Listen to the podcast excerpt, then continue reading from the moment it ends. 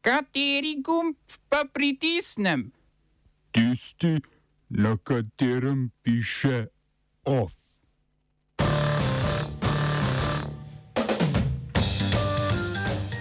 Zaključek podnebne konference COP26 v Glasgowu prinesel razočaranje. Peronisti prvič v 40 letih ostali brez večine v senatu. Na parlamentarnih volitvah v Bolgariji presenetila novo nastala stranka Nadaljujemo s premembo. Do PCR testa brez napotitve pri nas tudi s fotografijo pozitivnega testa za samo testiranje. V kulturnih novicah sprememba ukrepov za kulturo.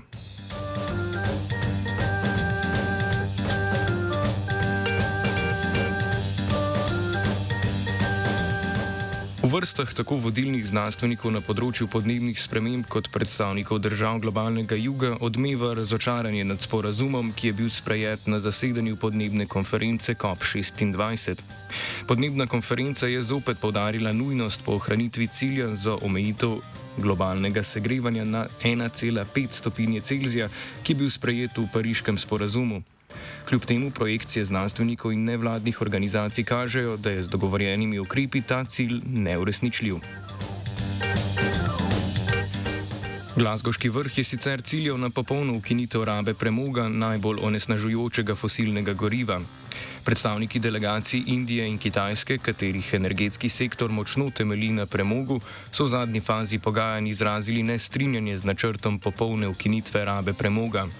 Pozvali so k počasnejši in bolj sistematični ukinitvi premoga do okoli leta 2050, kljub opozorilom znanstvenikov, da lahko ima to trajne posledice na podnebje.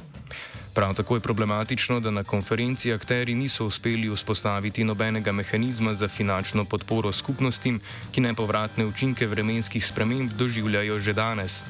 Dogajanje na terenu v času Glasgowskega vrha komentira Katja Hržič z Univerze v Glasgowu. Eh, že pred konferenco se je zelo opazil nek porast cene stanovanj, uh, veliko najemodajalcev, recimo, se je odločil ne oddajati študentom od začetka leta, ampak pač oddajati, um, počakati, da se kop zgodi in potem ful velik zaslužiti s tem, da se pač oddaja delegatom. Ne vem, recimo en hotel, sicer to ni zdaj najemodajalec, ne, ampak en hotel je računal 16 tisoč dolarjev za en teden nastanitve med kopom. Um, to pa pač dolgoročno v bistvu, pomeni, v bistvu pomeni, da so se lokalci zelo negativno odzvali. Veliko ljudi, ki bi se letos mogli preseliti v mesto, um, se niso mogli preseliti v dele mesta, kjer bi oni dejansko želeli živeti, zato ker se stanovanja enostavno niso oddajala. Potem zaprli so ceste, vozence, povečali so varovanje, pripeljali policijo iz Anglije. Res je bila pač policija na vsakem koraku, kar ne vem, na me ne vpliva tukaj, ne, ampak obstajajo pa ljudje, ki jih policija veliko profilira in v bistvu so pač uvedli do, dovoljenja, da se um, upeljuje stop and search po celem mestu, kar je pač zelo negativno vplivalo na veliko posameznikov. Po drugi strani pa, da ne bom čisto samo negativna.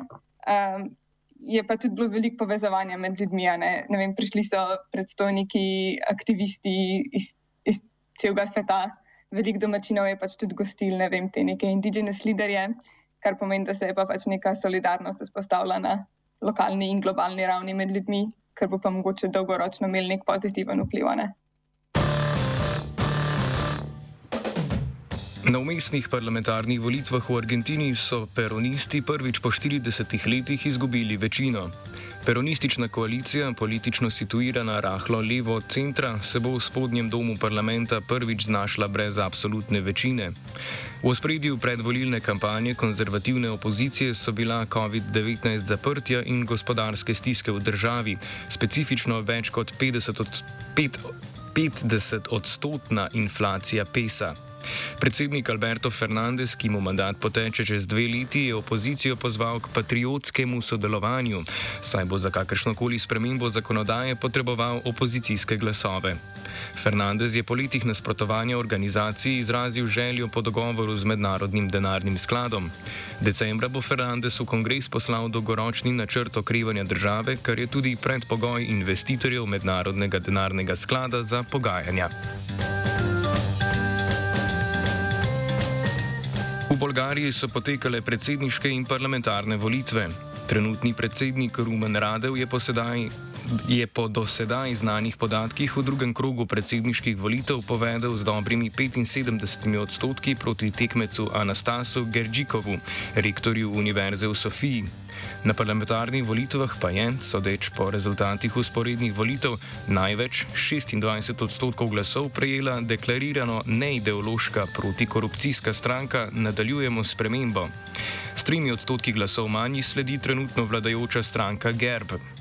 Novo nastalo protikorupcijsko stranko sta septembra letos, torej pred le slabima dvema mesecema, ustanovila Kiril Petkov in Asen Vasiljev.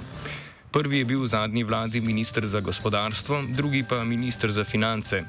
Po neuspelih poskusih aprila in julija tokratne volitve predstavljajo že tretji letošnji poskus Bolgarov, da izvolijo funkcionalno vlado. Opozicijske stranke, ki so želele stolčka predsednika vlade prevrniti Bojka Borisova, pri koalicijskih pogajanjih za sestavo vlade po zadnjih dveh poskusih volitev namreč niso bile uspešne. Portugalski parlament je izglasoval podporo zakonu, ki delodajalcem prepoveduje, da svoje zaposlene kontaktirajo izven delovnega časa.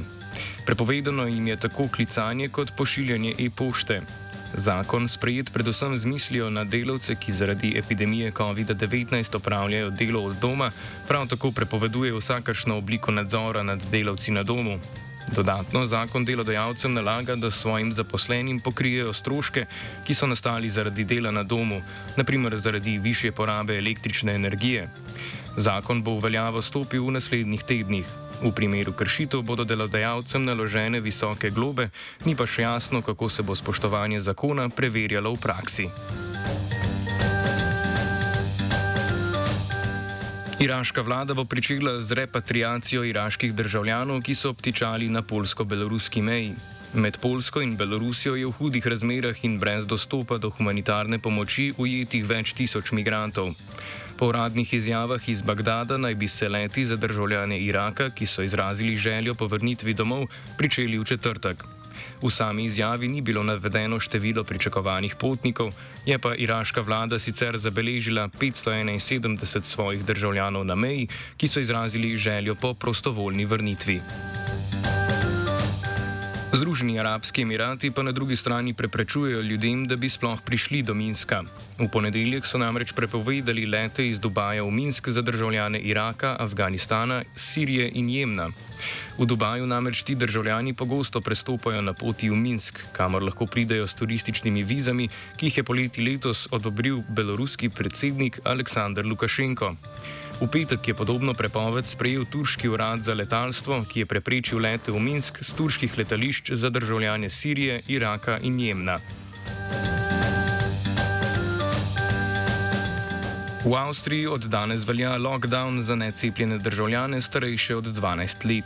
Avstrija ima za zahodno državo nizek odstotek precepljenosti, približno 65 odstotkov, kar pomeni karanteno za približno 2 milijona ljudi. Necepljeni lahko dom izjemoma zapustijo za nakupe živil, prihod na delo in obisk cepilnega centra. Država bo za nadzor nad izvajanjem ukrepov mobilizirala več policistov, ki bodo pogoj PC preverjali tudi pod milim nebom. Za kršitev lockdowna lahko policija izda kazen v višini 1450 evrov. Vlada kanclerja Aleksandra Schallenberga, naslednika nedavno odstopljenega Sebastiana Kurca, je odločitev sprejela zaradi naraščajočega števila okužb in zaradi strahu pred premajhnimi kapacitetami bolnišnic, v katerih je trenutno dobrih 430 ljudi na intenzivni negi. Za primerjavo, v Sloveniji se danes na intenzivnem oddelku zdravi 226 bolnikov. Oba, če, če bom odgovoril na angliški. Uh, uh, Slovenija will try to help. Uh, we can. Slovenija will. Uh, and we will do our utmost to say that the situation is our problem ourselves. And uh, we will uh, make further steps as soon as the conditions are. Bomo vlado Marjana Cererja Šarca podprli. Very, very serious. News from Slovenia. We know how and we will. We will.